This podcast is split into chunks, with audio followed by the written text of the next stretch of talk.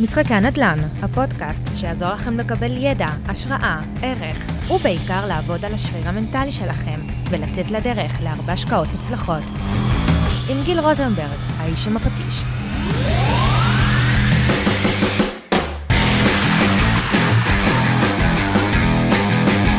טוב, אה, פטישים יקרים, ברוכים הבאים לפרק אה, חדש ונוסף בפודקאסט אה, משחקי הנדל"ן, והיום איתנו מיסטר פייננס, שי פרלמן, שי, מה שלומך הבוקר? מצוין. הכל מצוין, טוב? מצאנו מצוין. בקלות, חניה וזה, ראית, נפגשנו בחניון, כן, אנחנו. אנחנו פה עכשיו נמצאים בתקופה של לצד הכאב. של לחפש חניונים.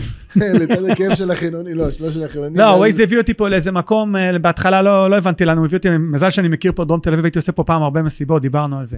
אני אציג אותך? אבל- שני משפטים? יאללה, שני משפטים. שי פרלמן, כלכלן ובעלים של פרל ייעוץ ומשכנתאות, נכון, אני צודק? חברה שהוקמה על ידי שי ודנה, איפה דנה? למה דנה לא פה? דנה, אשתו ה- היקרה. פיזור של הילדים. דנה בבייביסיטר וגם השותפה שלו לפני כעשר שנים, וכיום בין החברות המובילות בשוק. אני גם אוסיף משהו שהוא לא אמר, הוא גם היה ממקימי התאחדות יועצי המשכנתאות, נכון? הוא כבר לא שם.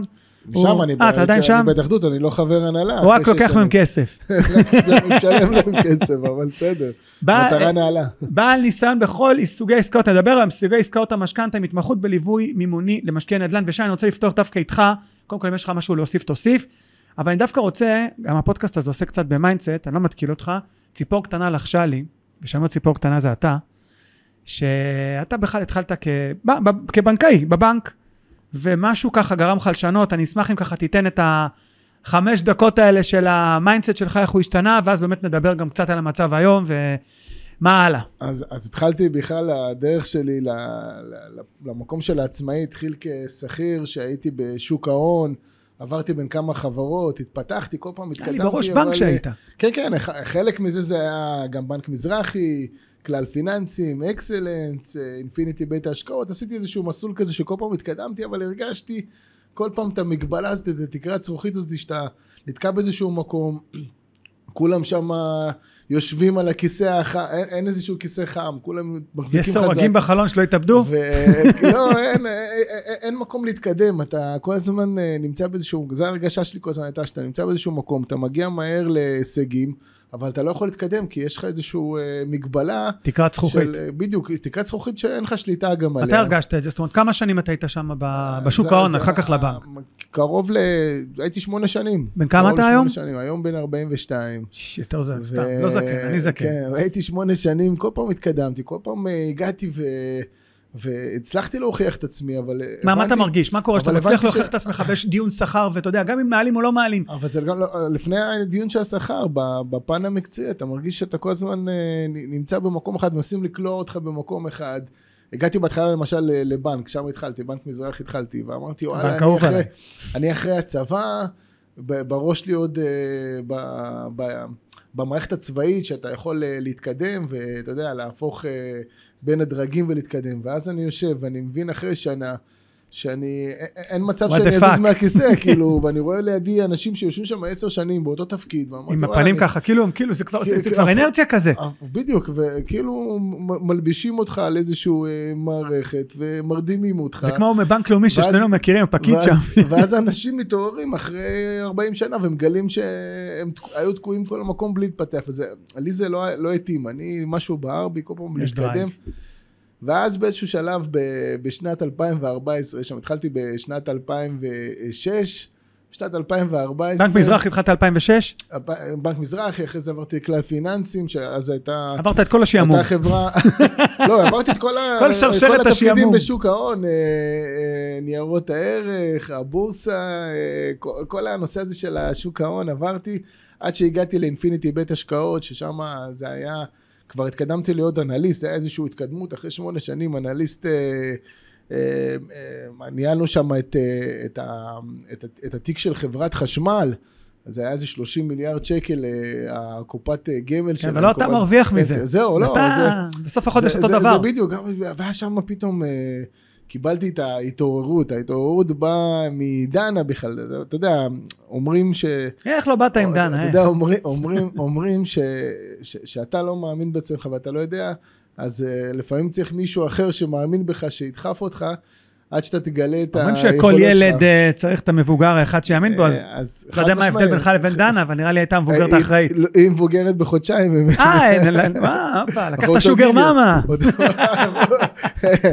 אז היא, היא דחפה אותי לתוך, ה, את- לתוך המקום הזה של המימון זה והמשכנתאות. מצחיק, אתה יודע, גם מיכל הייתה כזאת. מה זה דחפה? תן, תן, תן ככה, בוא תיכנס לזה, זה מעניין אותי, כי מיכל אצלי, אני זוכר שרציתי להתפטר, והיא אומרת לי, רק, מה לקח לך כל כך הרבה זמן? אמרתי, אני שוקל להתפטר, עוף על זה. כאילו, זה משהו כזה, זה כאילו, הייתי בטוח שבהתחלה הייתי חס, מה ההכנסה, הייטק, אני זה, כן. משכורת טובה, גם אתה, משכורת קבועה, בכלל, בכל כן. החברות האלה.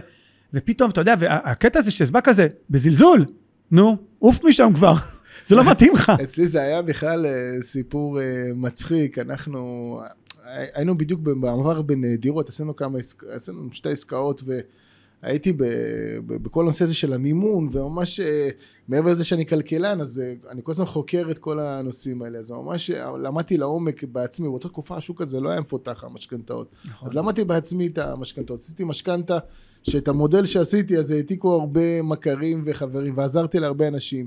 ואז אחר כך מחזרתי את המשכנתה וחסכתי עוד 100 אלף שקלים רק מהמחזור, אחרי שנתיים שלקחתי את המשכנתה הקודמת. חסכת אותם לא בהתחלה, חסכת אותם לאורך חיי המשכנתה. כן, כן, אחרי... שזה אחרי- משהו שאני רוצה לדבר עליו, כי הרבה אנשים לא לא מסתכלים על זה כל כך זהו, נכון. כן, כי זה בסוף השקעה שצריך לנהל נכון. אותה. ואז, אה, ואז אה, דנה קלטה את הפוטנציאל שאני לא ראיתי אותו בעצמי. באנו יום אחד אה, למספרה של הספר שלי, והוא מתחיל אה, לספר אותי ומתחיל לדבר איתי ככה על אה, כלכלה, כי הוא יודע שאני בשוק הפיננסי, ואז איכשהו הגענו לשיחה של משכנתה, ואז סיפרתי לו שאני... אני תמיד שואל את הספר שלי מי מתגרש, לקנות דירות. עשיתי כמה, עשיתי, שעשיתי כמה זה, ושחסכתי לעצמי בדיוק עשיתי את המחזור, ואז פתאום, איך שאני מסיים להגיד את זה, פתאום דנה יורה, כאילו זו הייתה חוויה חוץ גופנית אה, דנה כזאת. הייתה איתך בספר. כן, כן, אוקיי. בא- ואז כזה היא אומרת לו, אתה יודע ששי, אה, הוא גם יועץ משכנתאות, ואז, אתה יודע, ואני שומע את זה כזה מהצד, ואני... אני- לא היית יועץ לא- משכנתאות. לא, ואני גם לא מבין, אני לא, אני לא מבין שהיא מדברת עליי בכלל, אתה יודע, זה כזה, הרגשתי קצת מובך, ואז אני אומר לו, כן, זה, זה, זה הובי. אתה כאילו מתנצל, נכון? אני אומר לו, אני אומר לו, זה הובי שלי, זה כן, הובי שלי. גם אני ככה אמרתי בהתחלה על נדל"ן. ואז- נצלתי. ואז המשכנו לדבר וזה, ו- ואז הוא הוא התלהב ממש, ואמר, וואלה, כן, אם אתה יודע, אם אתה עוסק בזה, אז בוא תעשה לי את זה. ואני יוצא מהמספרה, ואני אומר לה, דנה, תגידי, מה, מה עשית? כאילו, היא אומרת, לא היא אומרת לי, תשמע, אתה, אתה עושה את זה. אתה יודע מה היא עשתה? אתה יודע מה היא עשתה? היא נתנה לי את ה... היא אימנה לך את הדחיפה. השוער המנטלי ונתנה לך את הפוש הזה. תקשיב, היא פתחה לי את המנורה, נכון. האור נדלק. ואז אני, ואז אני אומר לה, תקשיבי, אבל א- איך אני זה, אעשה לו, אמרתי לו הובי, אמרה לי, עזוב, הוא מפגר, הוא לא מבין גם ככה אנגלית.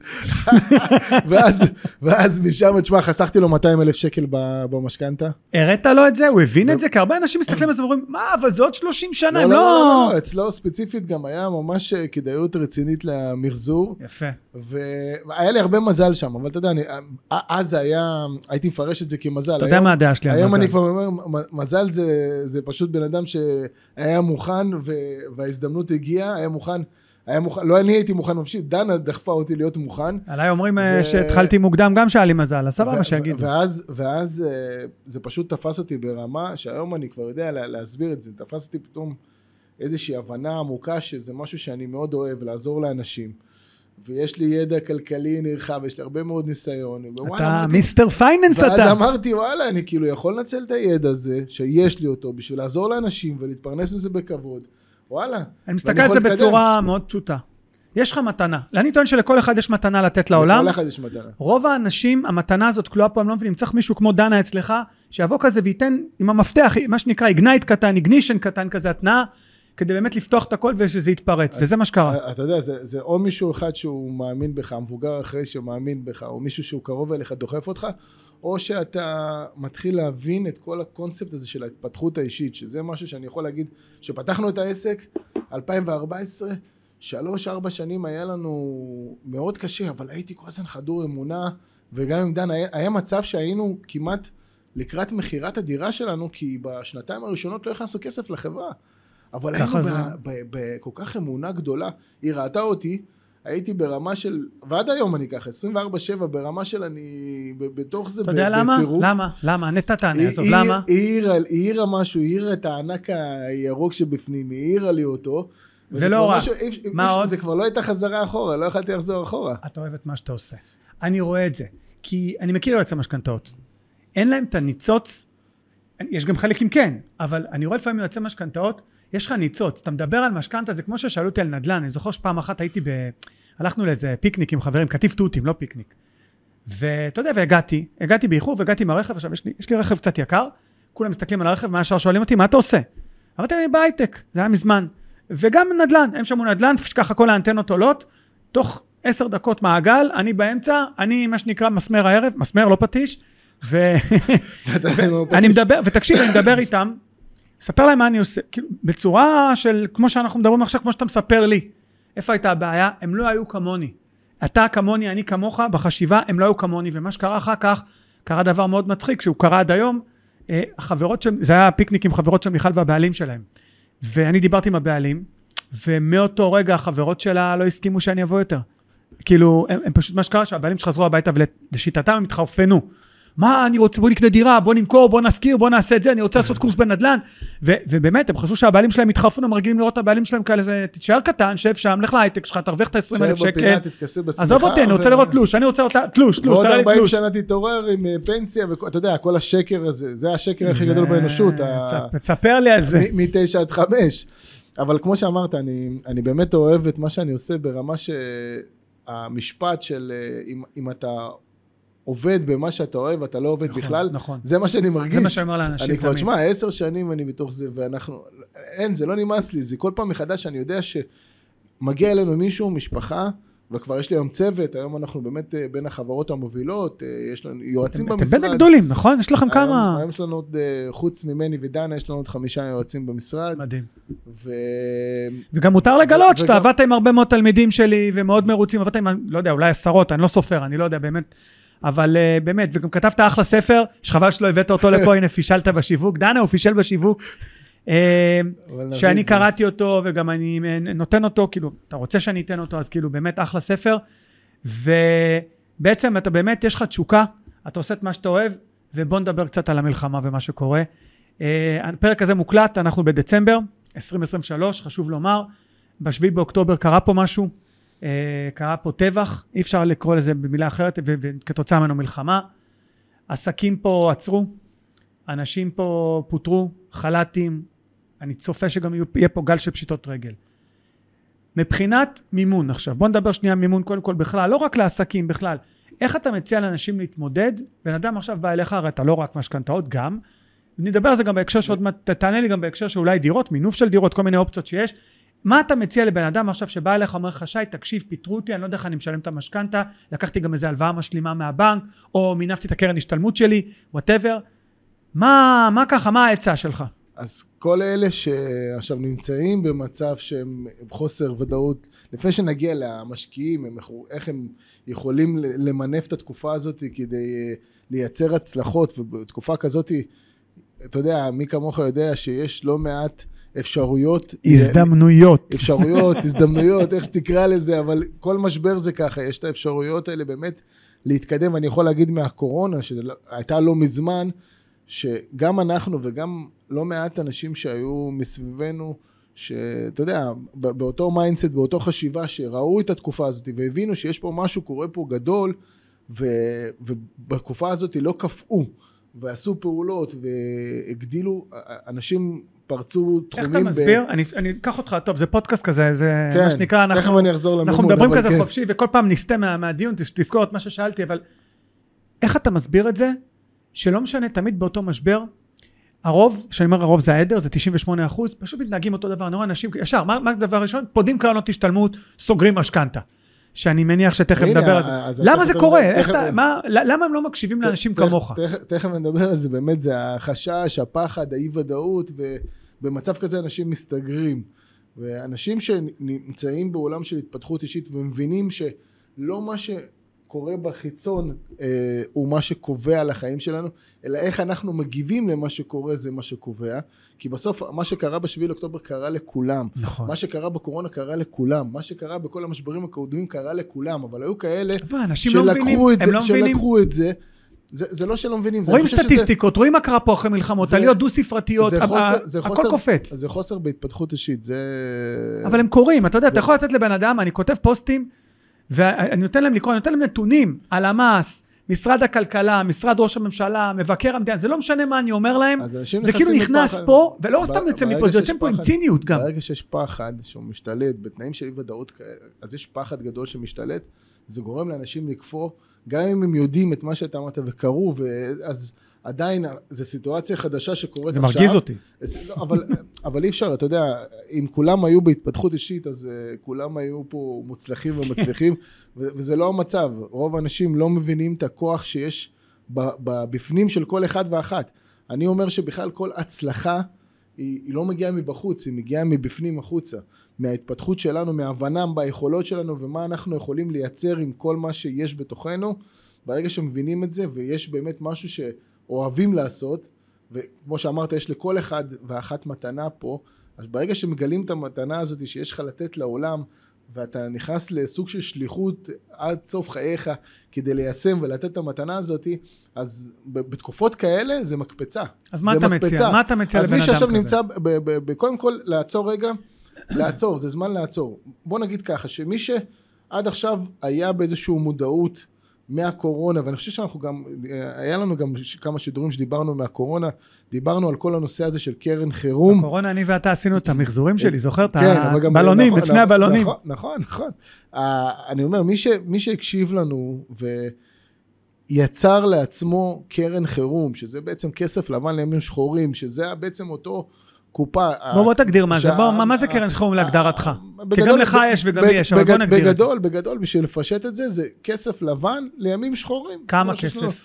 הכלל אצבע שלי שזה שלושה, בין שלושה משכורות, או חמישים... שלוש משכורות, אמא שלי- אמא שלי תקנה אותי באוזנייה. כן, יש לי, יש לי מורה ללשון שרצה איתי, שאמרתי לה עכשיו, אפרופו לשפר דברים כל הזמן, עכשיו רצה איתי בריצות, אני סותר רגע, ואני, ואמרתי לה, תקשיבי, אני חייב לשפר את הדבר הזה, כי אני לא נולדתי בארץ. לא, גם אני, לא זה נולדתי בסדר, בארץ, נולדתי בארץ ואני גרוע.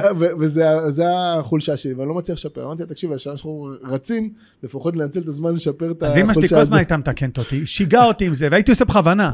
גם אני טועה בזה הרבה, אז- זה בסדר. אז, אז, אז שלוש משכורות, בסדר? או 50 אלף שקלים, הגבוה מביניהם, וואלה. כדי שיהיה לנו את השלושה חודשים. אתה עכשיו חושב על כל מספר כזה, אני לא, רואה. לא, לא, אני ב- בפוקוס, שלושה חודשים שנוכל בעצם להיות באיזשהו שקט, אבל השקט הזה הוא לא בשביל לשבת רגל על רגל ולצפות בחדשות ולהיות באיזשהו הלם קרב, אלא הזמן הזה הוא בשביל להתארגן מחדש ובשביל אה, בשקט הזה לייצר רעיונות ולהבין מה קורה. אתן לך דוגמה בקורונה. דוגמה טובה, בקורונה אנחנו ב-15 לשלישי 2020 נכנסה הקורונה, הגל הראשון, הגל הראשון שחרר אותנו ב- ב- בסוף אפריל. אז אה, בערך חודש וחצי כן, השוק הסגר. מת לגמרי. עכשיו היה לנו... אנשים היה בבית, ברור עכשיו, שלא. אתה יודע, אמרתי, יש לנו עובדים ו- ויש לנו התחייבויות והכול, אבל מכיוון שהיה לנו את הקרן חירום וחשבון חירום, היה לנו שקט.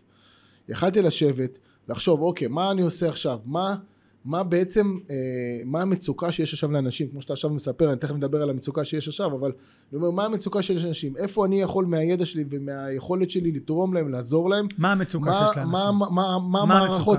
מה המערכות שיש לי שאני יכול לשפר ול, ולתת, ו, ואז בשקט הזה, כש- כש- כשאין לך את הכסף הזה בצד, אז אתה בלחץ, ואתה פועל מתוך פחד ומתוך אה, הישרדות, ואתה... אני רואה את זה אצל אנשים, לוקחים. הלוואות לסגור משכנתה, שזה מבחינתי תאונת שרשרת פיננסית. אין לי, אין כן. לי משהו אחר לתאר את זה. כן, אז לגמרי. מה, אז- מה עושים? שי, תן לנו ככה, תן case אז, אז, study, אז, אמרתי. אז מי שיש לו, מי שיש לו את הקרן חירום, עכשיו אה, אה, לנצל את זה. עכשיו אני אומר, לא, לא, הדבר, הנטייה הראשונה זה למשוך, אנשים מושכים חסכונות וקרנות, אפרופו אני אתן לך נתון נכון. עכשיו, שהתפרסם שמתחילת השנה פדו כ-20 מיליארד אה, מהקופות, שזה כמעט וואו. 50 אחוז יותר ממה שהיה שנה שעברה. קופות גמל או- גם פנסיה? קרנות השתלמות. ופנסיה לא. השתלמות, לא, פנסיה... לוקחים את הפיצויים, שזה פ- גם גרוע. פנסיה זה, זה, זה באמת תאונת מס, גם תאונת שרשרת אה, מיסויית. אם כי, אני חייב לציין, כי בעסקת הנדל"ן הראשונה, עסקת הנדל"ן הראשונה שלי, ואני יכול להגיד, עסקת הנדל"ן הראשונה שלי, אנחנו פתחנו את הפנסיה, היה חסר לנו כסף, עשינו את זה. לא יודע להגיד אם זה היה... תשמע, יש לי יועץ פנסיוני, תלמיד שלי, יועץ פנסיוני, יש לי כמה.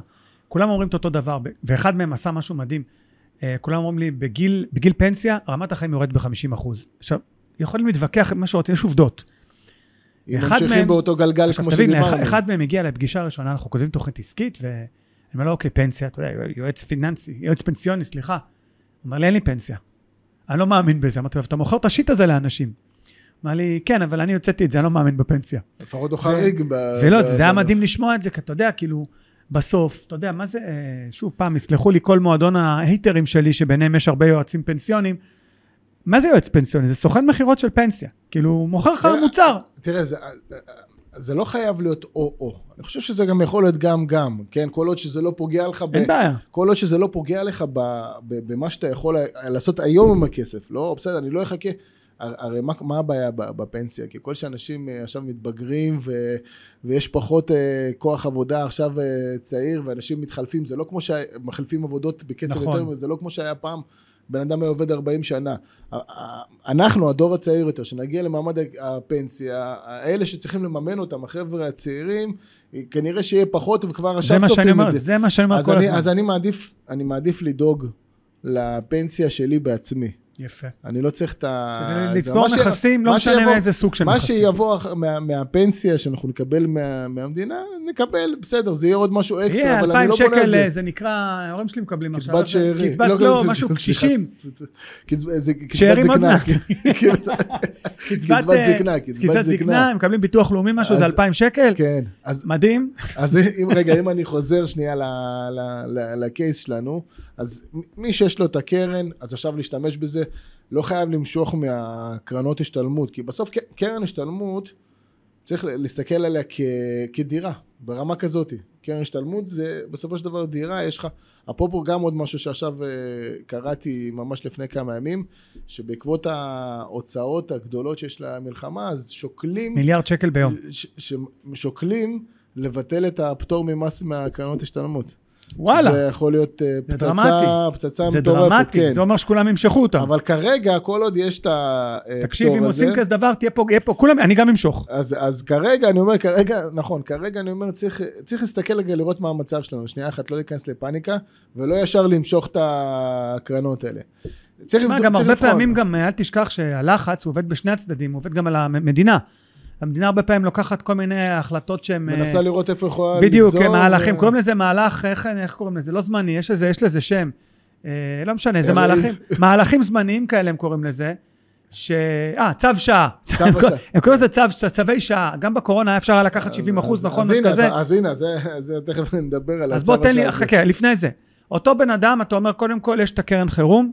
דיברנו קצת לפני, זרקת לי צמד המילים שאני מאוד לא מבין בו כלום, איחוד הלוואות.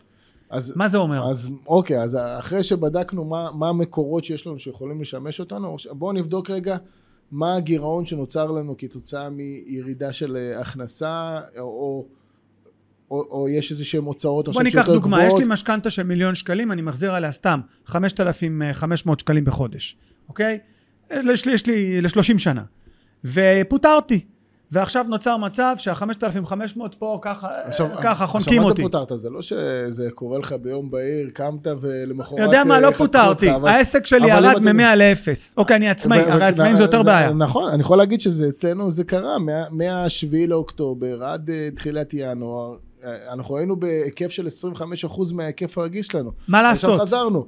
אז, אה, אז לבדוק מה הגירעון שנוצר לנו, ואז לראות, קודם כל, לבדוק מה הבנקים, עזוב רגע, מה הבנקים מאפשרים באיחודים, כי... מה זה אומר איחודים? תן ככה למי שלא מבין בזה. איחוד הלוואות זה בעצם אה, לקחת תוספת למשכנתה, או לקחת הלוואה אחת גדולה תוספת מה. מבנק מסחרי? זה הלוואה מסחרית לא, בעצם? ת- תוס- לצורך העניין אמרת שיש לך משכנתה של מיליון שקלים, נגיד הדירה שלי שווה שלושה מיליון, יש לי מיליון שקלים. אז יופי, אז אתה יכול לקחת עכשיו תוספת למשכנתה שלך, נגיד, אה, לא יודע מה, חצי מיליון שקל, הבנק ייתן לי את זה? חצי- אז השאלה מה המטרה לזה, אתה יודע, אם אתה, אם אתה תגיד שה...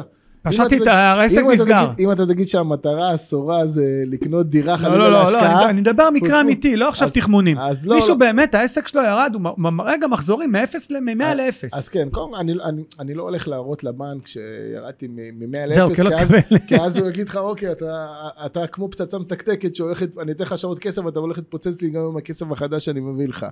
אני אראה לו את הדוחות שיש לעסק בשנים האחרונות, כדי להוכיח שיש פה הכנסה, יש פה פגיעה כתוצאה מהמלחמה.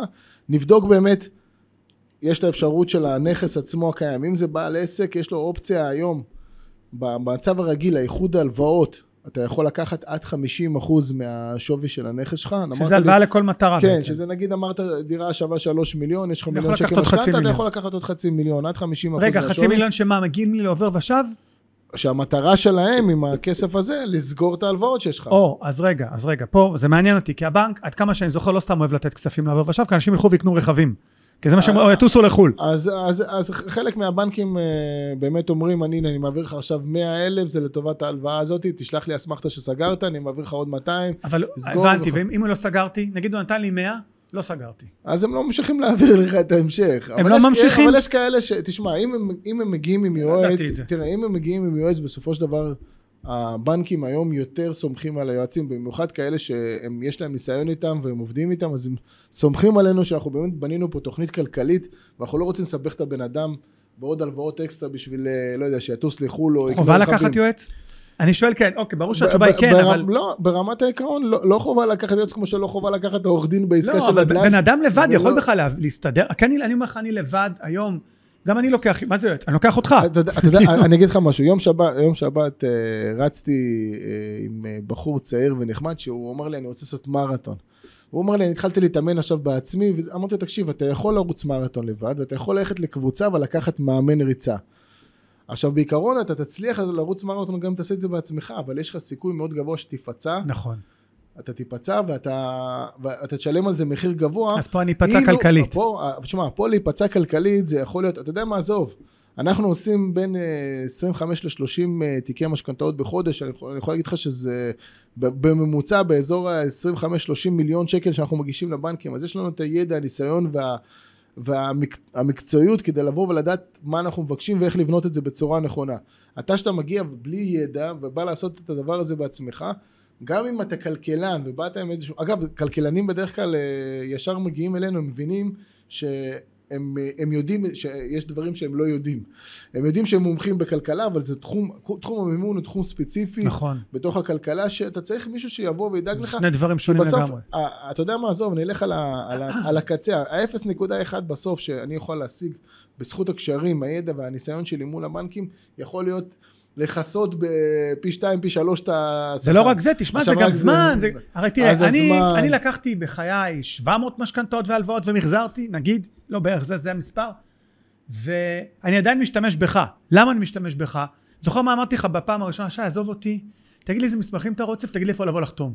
נכון? נכון. ובשלב בשלב מסוים כל כך לא רציתי כבר, שאמרתי לך אפילו ליצור קשר עם הרואה חשבון שלי, עבדתי ממש מול הרואה אנחנו- חשבון שלי. אז זה, זה, זה, גם חלק מהשירות שלנו, להוריד כמה שיותר מהראש את החלק של הבירוקרטיה. באמת, לקחת את זה מה- מה- מהאלף עד תף, להוביל את זה, גם בדברים שאנחנו, אין לנו באמת אפשרות, כמו שהרואה חשבון שאתה אמור לקחת אתה את המסמכים, אז אנחנו, אני גם לא יודע מה לבקש, זה טלפון שבור, אתה אומר לי. קח את זה, אני אומר לו בכלל משהו אחר. אז, אז המטרה זה פעם אחת להוריד את כל הכאב ראש הזה, לבוא ולעזור בבירוקרטיה הזאת, וכמובן להשיג אה, תוצאות טובות יותר במחירים. תשמע, המשכנתה האחרונה שלקחתי איתך לפני שנה בערך, על רחוב רות, אה, אני חושב שעברו ביניכם, לא, תשמע, זה היה נראה לי כאילו זה 200 מסמכים. כמה, אמרתי, אם אני הייתי צריך פינג עכשיו. לעשות את זה, אני מת. עכשיו, הייתי מצליח, אבל היה לוקח לי שלושה חודשים.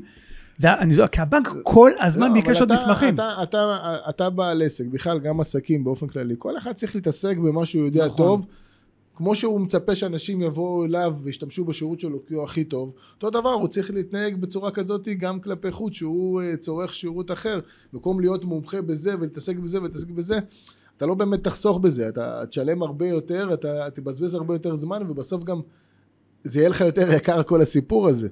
אז, אז, אז, אז אמרנו איחוד הלוואות, זה הפתרון השני, לקחת את כל שאגב, ההלוואות. אני, חידשת לי פה, אני מודה, לא, לא ידעתי, לא ידעתי שאפשר לקחת, אני, אני ידעתי שהבנקים נותנים עד 50 אחוז כהלוואה לכל מטרה. וחשבתי שנותנים את זה כנגד דירה.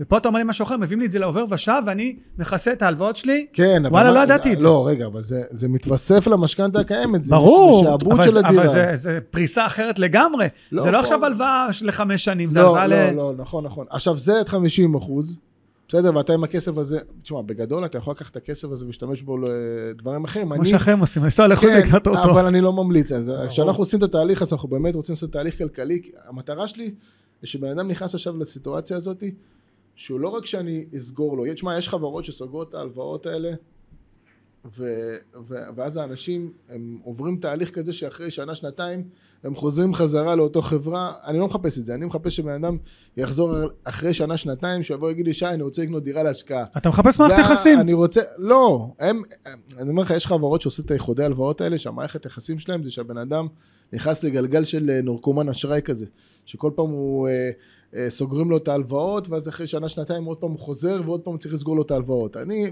המטרה שלי זה שהבן אדם, ואנחנו בונים תוכנית, שהמטרה שבן אדם, מפה הוא יעלה על הפסים. האיחוד הלוואות הזה אצלי, שאנחנו עושים את המוצר אצלנו, הוא כולל גם יועץ ומאמן לכלכלת המשפחה, שעובר איתם. זאת אומרת, אנחנו וואלה. עושים את ה...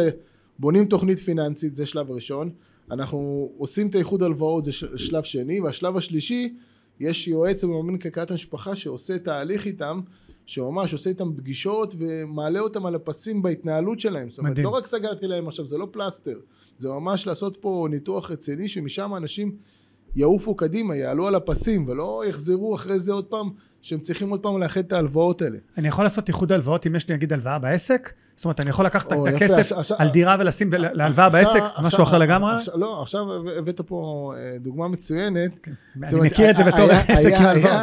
אמרת צו השעה שהיה בקורונה, ש- שלזה אנחנו עכשיו נלחמים עם בנק ישראל והמפקח על הבנקים. אנחנו, מי זה אנחנו? התאחדות אנחנו אנחנו יועצי זה התאחדות יועצי המשכנתאות, גם, גם, גם אנחנו באופן פרטי, אה, התראיינתי לכמה גם אה, כלי תקשורת על הדבר הזה, שיש פה מחדל שהולך להיות, אתה יודע, אני מרגיש קצת כמו התצפיתניות לפני השביעי לאוקטובר, כן. שאני אומר ש, שבנק ישראל עשה מהלך, יותר נכון הפיקוח על הבנקים עשה מהלך כל כך חכם בקורונה, שהיה אי ודאות גדולה, אז הוא אפשר שבמקום 50% על הנכס, אפשר יהיה עד 70% על נכון. הנכס.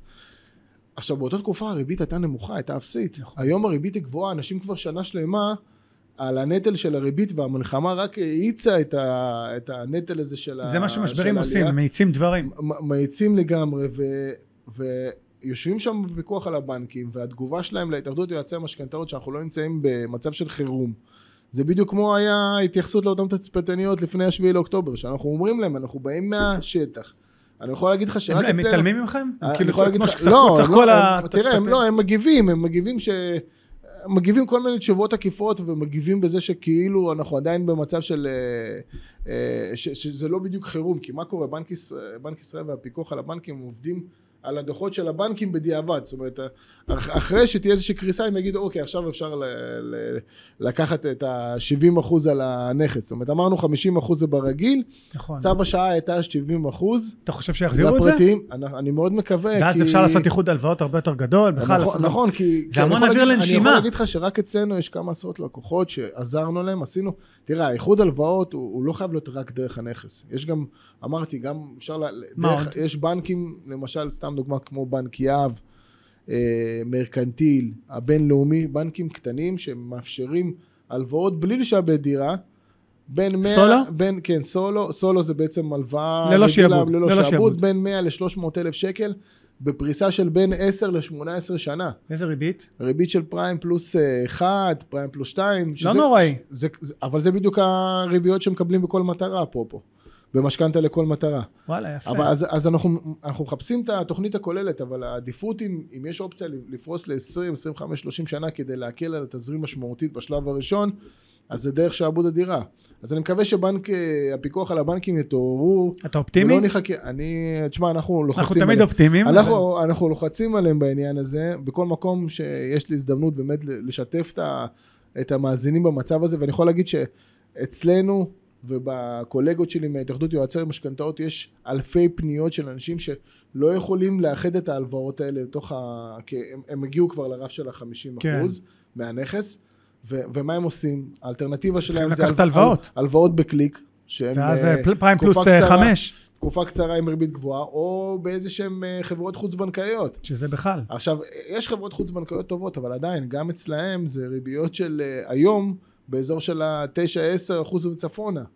אז במקום לאפשר לאנשים, מה הפחד של, של בנק ישראל והפיקוח על הבנקים? שהנדל"ן עכשיו ברמת סיכון, הם מדברים על זה שהוא ברמת אבל סיכון. כבר 15 שנה הם אומרים את זה. כן, כן, הם כל הז- הזמן אומרים, סקטור נדל"ן נד- ברמת סיכון של בועה. סקטור נדל"ן ברמת, אבל אני אומר בסדר, אתם אומרים, אבל מה זה קשור הסיכון על, על, עליי ועליך כאזרח, שאני אני רוצה להשתמש בדירה שלי כדי להציל את הדירה, כי הרי מה יקרה, אם אני עכשיו אלך לקחת באלטרנטיבה, בח- בחברות החוץ-בנקאיות ובהלוואות בקליק, אני באמת, תוך כדי זמן זה גלגל שיביא אותי למצב שאני מאבד את הדירה, ואז זה באמת הקריסה של הסיכון.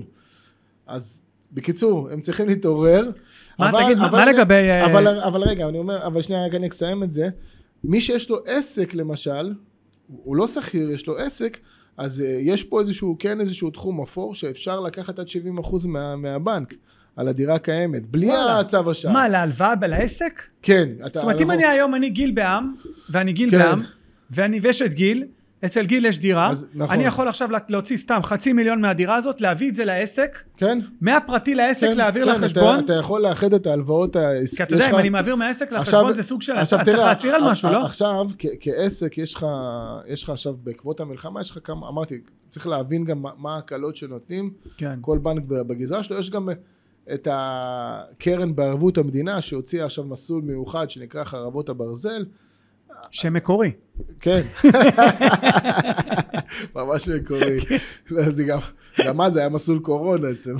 גם מקורי. מאוד מקורי. אז, אה, אז, אז בגדול זה, זה הלוואה שהמדינה מסבסדת חלק מהריבית, אבל עוד פעם, הבעיה פה זה טווח קצר.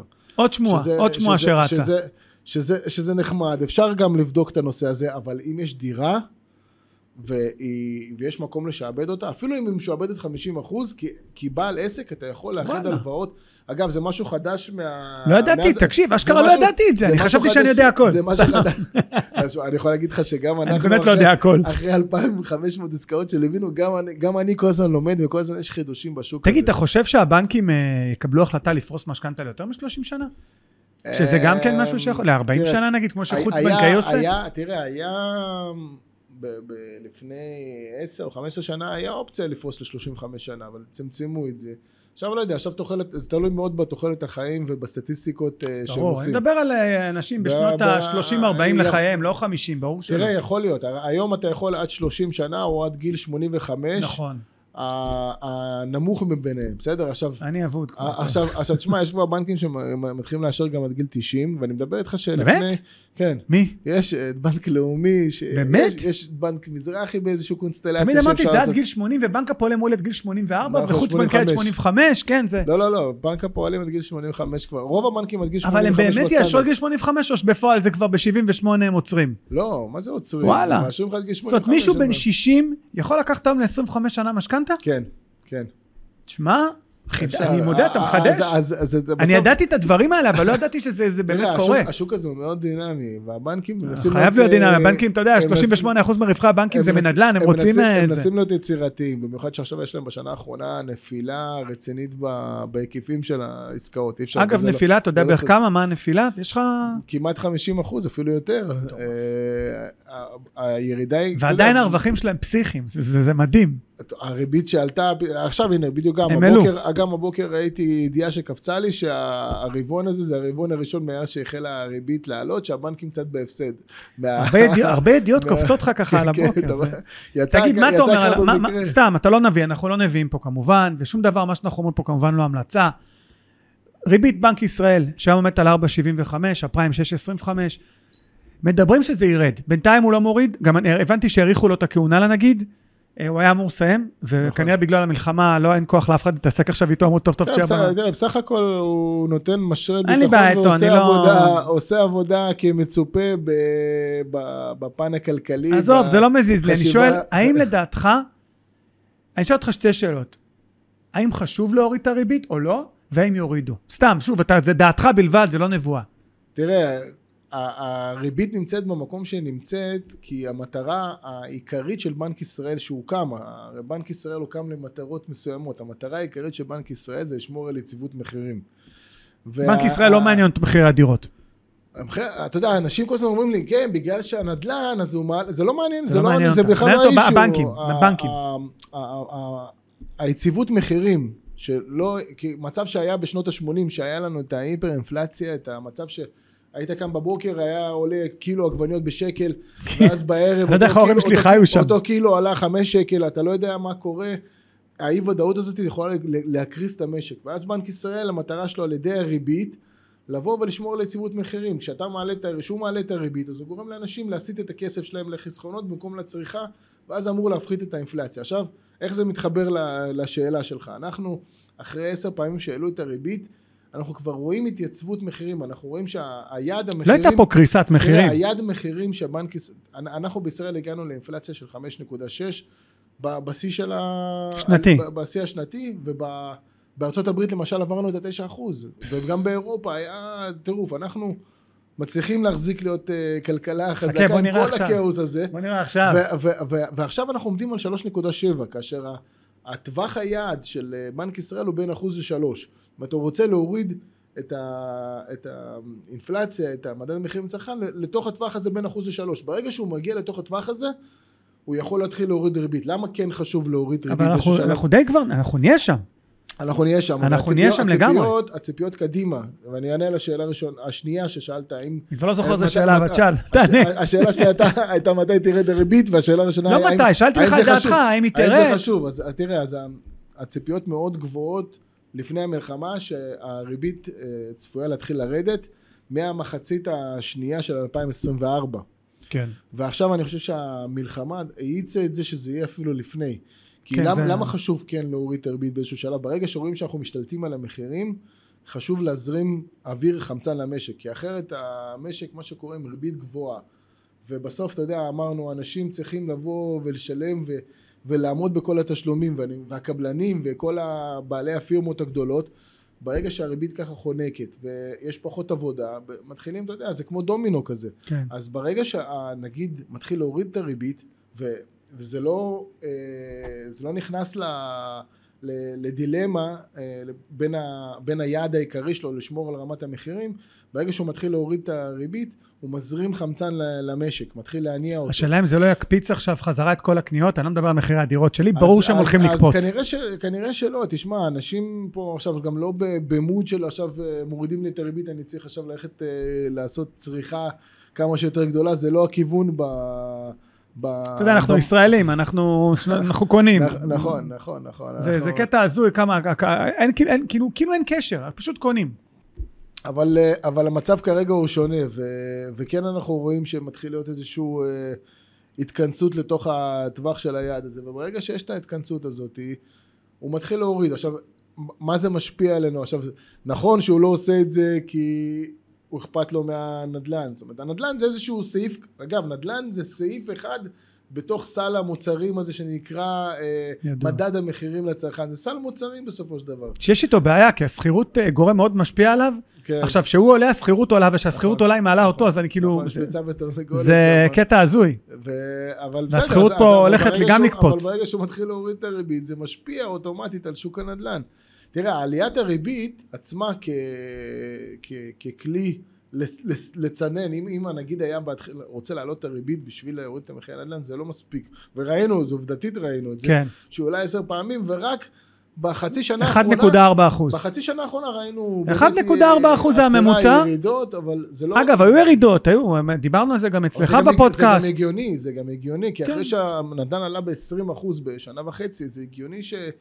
אה, ששתי הכוחות האלה, גם, גם עלייה מסיבית וגם עליית ריבית, יצנן את השוק, אבל, אבל יש פה הרבה גורמים אחרים ש, שמשפיעים, כן. כנראה שברגע שהריבית התחילה לרדת, משפיעים לכיוון, ה, לכיוון של השוק לחזור למצב שהיה. משהו ש... אבל- כן, כן, אני, אני, אני אומר לפני שרגע אני אסכם את ה-study case, זאת אומרת עכשיו יש, יש הרבה מאוד אפשרויות, זאת אומרת אמרנו, דיברנו על כמה אפשרויות של לשעבד את הדירה הקיימת ולקחת על זה מימון כדי להקל על התזרים, שוב חשוב לעשות את הדבר הזה עם תוכנית עבודה, תוכנית ברור. כלכלית ולא רק לסגור את הפלסטר הזה, אתה יודע אני לא מדבר איתך על זה שהחברות האלה שדיברתי, אני לא, לא אגיד שמות וזה, עושים לך איזשהו אה, פלסטר כזה, למה? תלכלך, אנחנו אוהבים תביעות פה. אה, כבר ככה יש להם כבר אה, תביעות. עם- כמות לא, לא, התביעות, כן. יאללה, בוא עוד כאלה אחת. שמפרסמים על אה, שלטי. חוצות על אוטובוסים. עוד אחת, פחות אחת. אנחנו לא, פה, אנחנו פה, אני כבר בחניון של בית משפט. עושים- את האיחודי הלוואות האלה, עושים את זה בצורה אה, שערורייתית, בעיקר עם חוץ בנקאי, העיקר בשביל לקבל את השכר טרחה שלהם. בלי איזשהו אופק אה, קדימה. אז אני אומר, כל אחד בסופו של דבר צריך להיות אחראי גם על עצמו. יש לך, נקלעת למצב כזה, אתה צריך להבין שצריך להיות לך פה תוכנית מסודרת, תוכנית יציאה, ולא עכשיו רק אה, לקחת רגע, בוא ננשום רגע אוויר ו...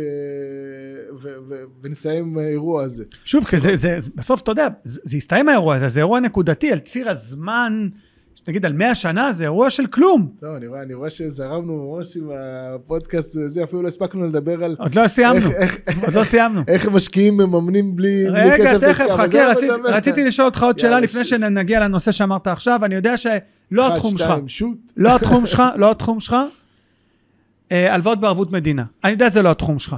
לא, לא, זה דווקא כן מומלץ, התחום ש... לא מומלץ, פרטי, עסקים, אני לא מבין בזה כלום, תן לי אז- ככה את ה... אז מה שנקרא את השני שקל שלך אז על זה. אנחנו, בהחלט התחום שלנו מתחילת השנה, אנחנו נכנסנו ל... הרחבנו את הפעילות שלנו, יש לנו את מיכאל פרלמן, שהוא מנהל המקצועי והכי הגדול. רגע, יש קשר, זהו. אגב, ראיתי גם שאימא שלך שם, הייתי אצלך, אז אימא שלך היא מנהלת חשבון. חשבון. כל המשפחה. כן, כל המשפחה. אז מיכאל אצלנו, אה, הוא הכלכלן, אה, המנהל המקצועי, והוא אחראי על הנישה הזאת של האשראי לעסקים, שפתחנו את זה מתחילת השנה, ועכשיו בעקבות המצב אנחנו מאיצים את ה... באמת לעזור לכמה שיותר עסקים. אמרנו, יש את... את הקרן, אה, המסלול המיוחד של חרבות הברזל, יש אה, בנק- זה מצחיק אותי כל פעם חדש. יש בנקים, בנקים כמו נגיד בנק הפועלים שמאפשרים 250 אלף שקל הלוואה בריבית הפריים, בלי תוספת, אה, שבאים להקל על ה... וואלה, 250 כן. אלף שקל פריים? כן, כן. אבל כן, לא, אבל ככה סתם אני יכול לבקש, באים- זה לא, יש לזה פרוצדורה. הם- הם- הם באים כמה הטופסולוגיה פה? תראה, צריך... כמה זה באמת בא, באמת נוח, אתה יודע, מה שנקרא, זה, יש גישה לזה, זה לא איזה משהו, זה משהו אה, אינטואיטיבי. בוא נגיד לך, הקרן של ערבות המדינה של החרבות הברזל, תשמע, אני אגיד לך למה אני שואל, שנייה, אני- שנייה, אני אגיד לך למה אני לא, שואל. אני פעם, שהקמתי את העסק שלי, בגלל שהייתי בהייטק, אני לא זוכר מה זה, אמרו לי שמגיע לי זה גם הלוואה, משהו מהחברה, אה, מה- מהמדינה, עד חצי מיליון שקל. ואז באו והביאו לי טופסולוגיה, תקשיב, זה היה ערימה, אני רק ראיתי את זה, אמרתי, טוב, כוס סומו, עזבו אותי. אז זהו, זה, מה קורה? הם, הם עכשיו, אם אתה נכנס לאתר שלהם, אז הם מעודדים את זה לעשות לבד, בלי, אה, הם קוראים לזה בלי סוכנים אה, שמתווכים. אוקיי, בסדר, אתם רוצים לעשות משהו כדי לחסוך לאנשים את, ה, אה, את התיווך באמצע, אז לפחות תעשו את זה ברמה שהאדם הפשוט, שאין לו את המידע והיכולת לעשות, שיעשה את זה. כי מה קרה? הם הורידו את כל המתווכים באמצע. הם אומרים, נגיד, אל תיקח את אה, שי והצוות שלו, שיעשו לך, ו... אה, בערבות המדינה, בקרן הרגילה, יש לך אה, גוף כזה שמתאם, נקרא BDSK, גוף מתאם בין הבנק לבין, ה... לבין כל הלקוח. פעם ששומע על גוף מתאם, אני כבר, כן. כאב ראש כן, נהיה לי. נכון, כבר נהיה לי כאב ראש. הוא עושה את הבדיקה הראשונה, ואז הוא נותן את ההמלצות שלו לבנק. אז בא, בא משרד האוצר, חתך את זה, ואמר ישירות לבנקים. עכשיו, מה זה הרי ערבות? יפה. מה זה ערבות מדינה תכלס? אתה מקבל כבעל עסק הלוואה שהמדינה ערבה לה, אז מבחינת הבנק זה כאילו כמו נכון, משכנתה. הרב הכי טוב בעולם. זה. זה כן, או שלא, אני לא יודע. המדינה ערבה, אתה צריך לשים, יש פה כמה תנאים, כן, אני לא, לא אכנס למספרים הקטנים, אבל צריך לשים קצת כסף בצד ולביטחון, אבל בגדול המדינה ערבה. עכשיו המדינה אומרת לבנקים, תקשיב, אני הורדתי לך את ה-BDSK. מה זה קצת כסף בצד? שנייה, נגיד לקחתי 250 אלף, כמה כסף אני צריך? כי אני יודע שאני צריך לתת להם איזה משהו, אז אני מתחיל, עכשיו אתה מתחיל, אני מתחיל להיזכר לאט לאט, זה כאילו בא לי בערימת ניירת הזאת שקיבלתי אז. לא, זה, אתה שם בצד, אה, ברגיל זה 25 אחוז, או... זהו, זה או אני זה- זוכר. ה- ה- עכשיו אני מתחיל להיזכר למה לא לקחתי את זה. אבל, אבל גם פה יש לך פתרונות, יש לך בנקים, גם על זה נותנים לך... תשמע, בן אדם צריך, מה הקטע? נגיד אתה מבקש, בוא נעשה את זה עגול, 100 אלף שקל. מה שאתה בעצם אומר לי שהוא יקבל 75 אלף. הוא לא יקבל 100. אבל, אבל אה, אני אומר לך, יש, היום בנקים הם, הם יותר פתוחים, להפ... גם על החשבון הכסף הזה בצד שאתה שם, שאתה שם את זה בתוך הפיקדון, שאתה לא יכול למשוך את הכסף הזה, אז גם על חשבון זה הם נותנים לך עוד איזושהי הלוואה. זאת אומרת, יודע- יודעים למצוא את הפתרונים, זה לא, זה לא הנקודה. אני אומר, בא משרד כמו שפעם אמרתי שבנק מזרחי יודע למנף את הלבלב גם. שנייה, בא, בא, בא. כן, לשעבט על ה... אפשר למנף. הכל. לא, אז, הוא אומר, אז הוא אומר, תקשיב, אני מוריד לך את המתווכים, אני מוריד לך את הגוף המתאם הזה, ואז הוא אומר לבנקים, עכשיו אתם ישירות מול הלקוח. עכשיו הוא אומר לבנק, אבל תדע לך שאם יהיה מימושים ויהיו הרבה אנשים שלא יעמדו, אז אני אמנם ערב כמדינה, אבל אתה כבנק, אני מצפה ממך שתעשה את הבחינות כמו שצריך. עכשיו הבנק, שהוא רוצה לעשות, שהוא רוצה לעשות את המכירות כמו שצריך, אז הוא התחיל, הוא בודק עכשיו יותר בציציות. הוא הרבה יותר, אה, אה, אתה יודע, יש לך פער בינך, כמו שאמרת, קיבלת ערימה של מסמכים, ערימה של דברים שצריך לבוא ו, ולבדוק כדי, לפ- לפני שאתה מרגיש. אז, אז מבחינת הפער הזה שנוצר, אמנם ההגשה באתר היא קלילה, אבל אז הבנק הוא, הוא רוצה ממך את הדוחות, ושתסביר את הדוחות, ומה כן. קרה, ואיך באמת המלחמה פגעה בך, ושזה צריך פה את השחקן שבא לטובתך, שבונה לך תוכנית, שיודע לבוא, יפה. לא רק להסתכל רק על, ה, רק על הערבות מדינה הזאת, אלא באמת לראות מה הצרכים שלך בעסק, איפה אפשר אולי להתייעל, מה עם הדוחות שלך, איך אפשר באמת לשפר את, ה, את התהליכים אצלך מבחינת המצב המימוני. וזה, וזה מצב... הנה, עליתי על וזה- המסך, זה ראית? מצב- חזרת, כן. חזרת למסך. חזרת לעניינים. וזה- הנה, ועכשיו מסך מלא גם, לא וזה, סתם. וזה, וזה מצב... איזה יפה. כן, יפה. אני. רוצה, אני רוצה לתת קרדיט לגרפיקה, באמת, לעדן, ה- אני קורא לה אבו גזיר, אבל זה אבו גזיר. באמת, גם תלמידה שלי, ובאמת עשתה אחלה גרפיקה. באמת יפה. אה. כן, נו, מה לעשות? נו, לקחה אותי ועשתה אותי יפה, עבודת פוטושופ פצצה, תראה. תראה במציאות, תראה מה. זה אומנות, כן. אין מה להגיד. אז אני אומר כעסק, רגע, שנייה, אני חוזר. אתה צריך לבוא, להסתכל על מכלול דברים. או למשל, אמרנו, חוץ מהמסלול הזה של חרבות הברזל, אמרנו מקודם, יש לך את הדירה שלך, נכון. שאתה יכול עד 70% ממנה למנף לתקופה ארוכה. יש עוד הלוואות, אמרנו הלוואות סולו, שאפשר לבדוק. זאת אומרת, יש לך פה מכלול פתרונות שצריך לאחד אותם מה עם מיקור חוץ? מיקור חוץ. מה עם חוץ בנקאי? אז, אז גם נגיד חוץ... כל החברות ביטוח למיניהן. אני אתן לך דוגמה, עכשיו BTB למשל, כן. היא גם נכנסה למשחק הזה של הערבות מדינה, זאת אומרת, היא גם שחקן מורשה מטעם משרד האוצר, והיתרון שלהם למשל שהם הרבה יותר מהירים. יש לך למשל עוד, עוד משהו שיכול להיות פתרון טוב לעסקים, יש לך את אה, חברת עוגן, חברת עוגן, נכון, מכיר. זה, זה 100,000 בעצם, שקל, זה בעצם נכון? עמותה, זה, זה בין 100 ל-300 אלף יכול להיות. אבל גם מעבירים אותך בלי ריבית. טופסולוגיה מטורפת. ב- בדיוק. זה, מלא, זה, אני יודע, כי תלמידים שלי שלחתי אותם זה- לשם, והם אמרו לי, מה זה? אז זה שלח, באיזה פן שלחת אותם לגייס כספים להון עצמי? כן. זה, אז רגע, שנייה, נזיז את זה וואי רגע. וואי, הם ויתרו, תקשיב, זה רגע, כאילו, זה- זה זה כמו לעשות פינוי-בינוי, רגע, זה כאילו ויתור אמרתי לך, מראש. אנחנו- אנחנו על הגיוס הון עצמי נדבר, אבל פה במקרה של עוגן הם גם, הם גם עמותה שללא כוונת רווח שבאה לעזור לעסקים. אז עכשיו הם גם יצאו במסלול, ויכול להיות שאנשים נתקלו על זה ב, ברשתות החברתיות, שפרסמו 300 אלף שקל בפריים מינוס שלוש לשנה הראשונה, והלוואה למשך חמש שנים, זאת אומרת, זה נשמע וואו וואו וואו, חבל על הזמן, אבל כמו שאמרת, זה כרוך באמת בבדיקות מעמיקות של העסק, טופסולוגיה והרבה כאבי ראש שצריך אה, לעבור. שגם כן זה משהו שאתם יודעים לקחת ולעשות. כן, מדהים. כן, כן. צריך, אז כזה- אני אומר, אבל... אתה אז אתם חוסכים אבל- זמן אבל- וכסף, אבל תגיד את צריך- זה. אבל- אני חוסך זמן וכסף. אז גם למצוא את הפתרונות הכי מתאימים וממכלול הפתרונות לבנות תוכנית שהיא הכי נכונה עבור העסק אה, כי בסוף אתה יכול לקושש הלוואה פה, לקושש הלוואה שמה ובסוף אחרי, לא יודע, שנה, שנתיים תחזור למצב וגם... לא, גם ככה פושטים את הרגל, כן. שאנשים מקוששים הלוואות ככה פושטים. הרי מה הבנק עושה? הבנק המטרה שלו למכור כסף. נכון. עכשיו כל פעם שמישהו במינוס מה עושה? מתקשר אליו, בוא קח 20 אלף שקל, כאילו הבנק סבבה. כן. אז מה הוא עושה? הוא מזיין אותו. הוא לוקח עוד 20 ועוד 20, והוא לא עומד בזה, הרי אי אפשר לעמוד בזה, כי once פשיטת רגל, והוא מגיע למצב שפתאום חייב איזה מיליון כן. שקל, וביי, נגמר. אני אגיד לך, גם, גם הבנק איפשהו לא רוצה להגיע למצב שאנשים יפשטו רגל כי הוא לא בא, הוא לא מתווך נדל"ן למכור נכסים כן. והוא לא רוצה ללכת לבתי משפט, זה תמיד אה, מצטער רע שבנק תובע את האזרח הקטן, זה אף פעם לא נראה טוב בתקשורת, זה מוריד להם אה, הרבה קרדיט ב- בחשיפה שלהם, בשיווק שלהם, אז הם כן רוצים לעבוד עם אנשים שאפשר אה, לעבוד איתם נכון, וכן, היום אני מרגיש הרבה יותר מהבנקים שהם כן מבינים את החשיבות שלנו, כי בהתחלה הם לא רצו את היועצים, כי אתה, אנחנו חתכנו להם ברווח, ברווח, ברווחים, אבל היום הם מבינים שאני בא כיועץ, אני עוד גורם מוסמך שבא, יושב עם הלקוח ובונה לו אסטרטגיה מימונית, בונה לו תוכנית שבאמת תשפר את המצב שלו, ולא עכשיו העיקר בואו נאשר הלוואה ו...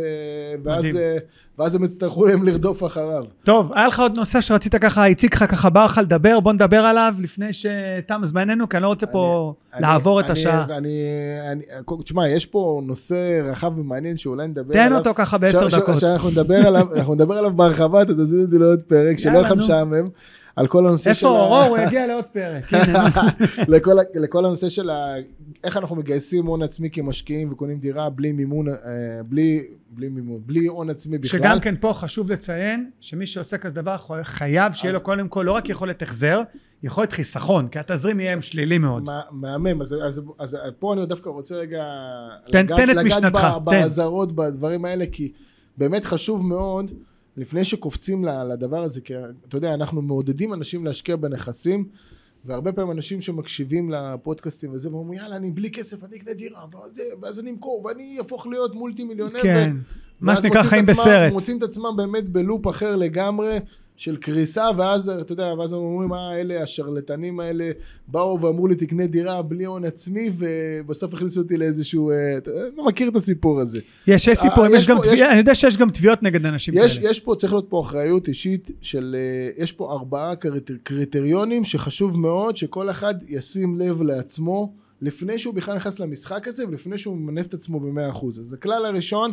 זה באמת לדאוג ליכולת החזר. יכולת החזר, הכוונה זה כמה ההכנסה שלנו, ובאופן מתמיד להגדיל את ההכנסה שלנו ברמה של אני לא מסתפק במה שאני מקבל היום, אלא אני כל הזמן חושב מחוץ לקופסה איך אני מייצר לעצמי עוד, או מגדיל את ההכנסה שלי בעבודה שאני נמצא, או, מג, או בונה עוד איזשהו אה, עסק.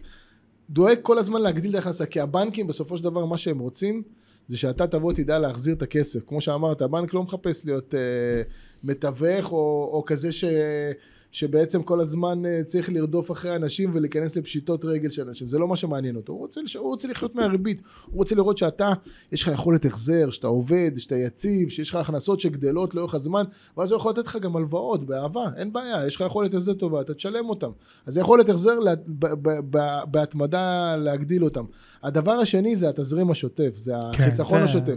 זה בעצם כמה נשאר לך מההכנסות שלך, פחות כל ההוצאות שלך של שכר דירה וכל ההוצאות שלך, שאתה עושה לעצמך טבלה מסודרת, כי אתה, כשאתה בא להיכנס עכשיו להשקעות, אתה צריך להיות מאוד מסודר ולהבין כרגע מה תמונת המצב שלי, כרגע כמה אני מרוויח, כמה אני מוציא.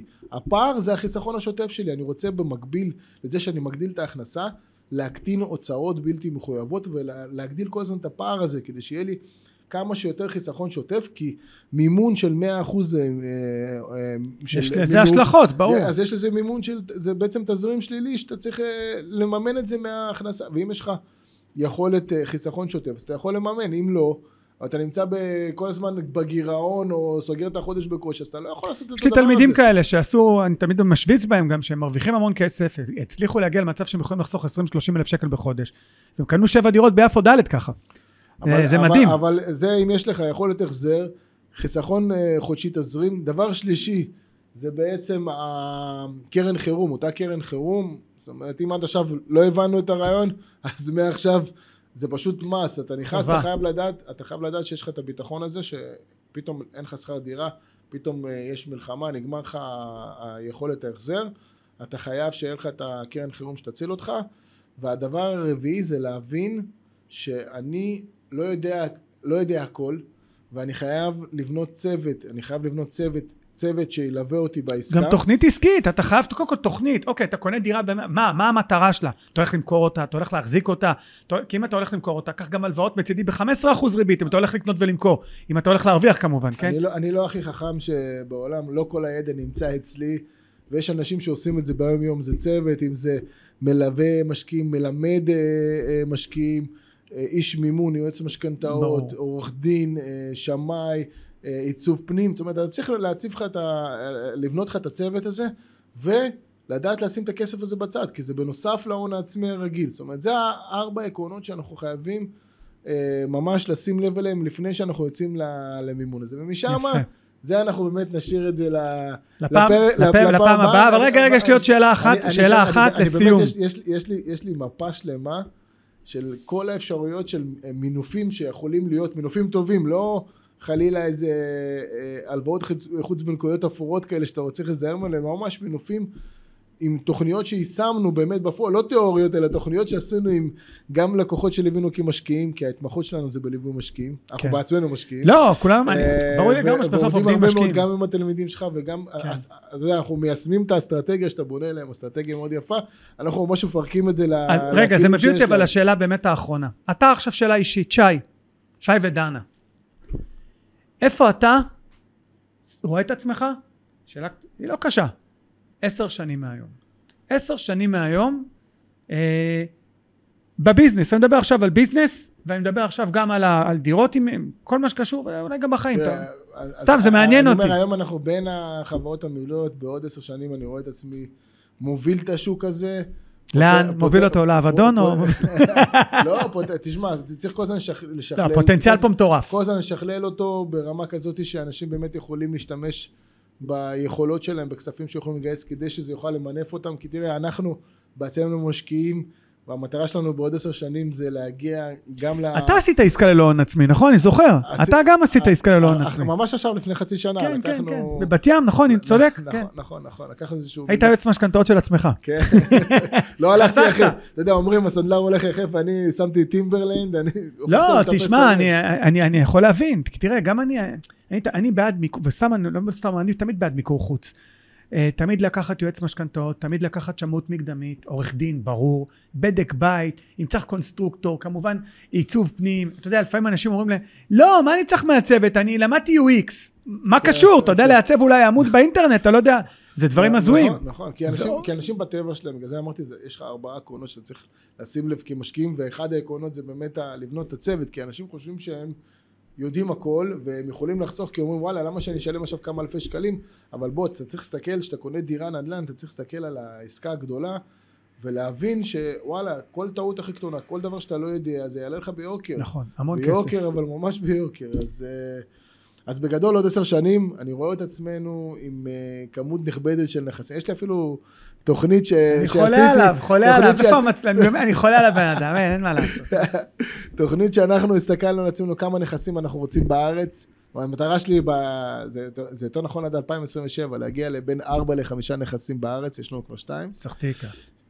שניים, שתיים, שניים, לא משנה. כבר לא זוכר. עם זה- אנחנו נסתדר.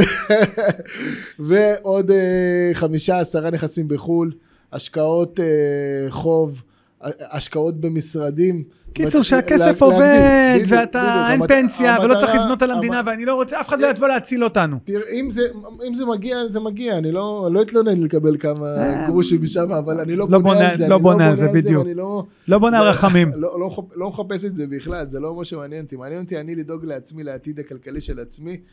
אני מאמין, היום אני לא רק מאמין, אני גם יודע שבכוחות כל אחד ואחת, בזכות הגילוי של המתנה שיש לו לתת לעולם הזה, יכול לדאוג לעצמו בלי שאף אחד אה, יעזור לו ולא יצטרך את כל הטובות של המדינה וכל מיני גופים כאלה ואחרים. אז, אה, אז המטרה באמת, בעשר שנים האלה, לעשות את כל הדרך הזאת, אבל גם מהדרך הזאת לתת השראה ומוטיבציה וכלים לאנשים גם לעבור את הדרך הזאת, כי אני מאמין שכל אחד ואחת מבפנים יכול להוציא את זה החוצה וגם להגיע לזה. זה לא צריך להיות פה איזשהו, אה, אה, איזשהו טייקונצ'יק נדל"ן כזה, לא צריך. טייקון וזה ש... תשמע, הסיפור... יודעים מה הס- עושים, זה גם יודע, קל. הסיפור שלך גם הוא נותן הרבה מאוד השראה, והספר שלך נותן הרבה מאוד השראה. הספר שלי- הסיפור שלי ש- פחות מעניין ש- לעכשיו.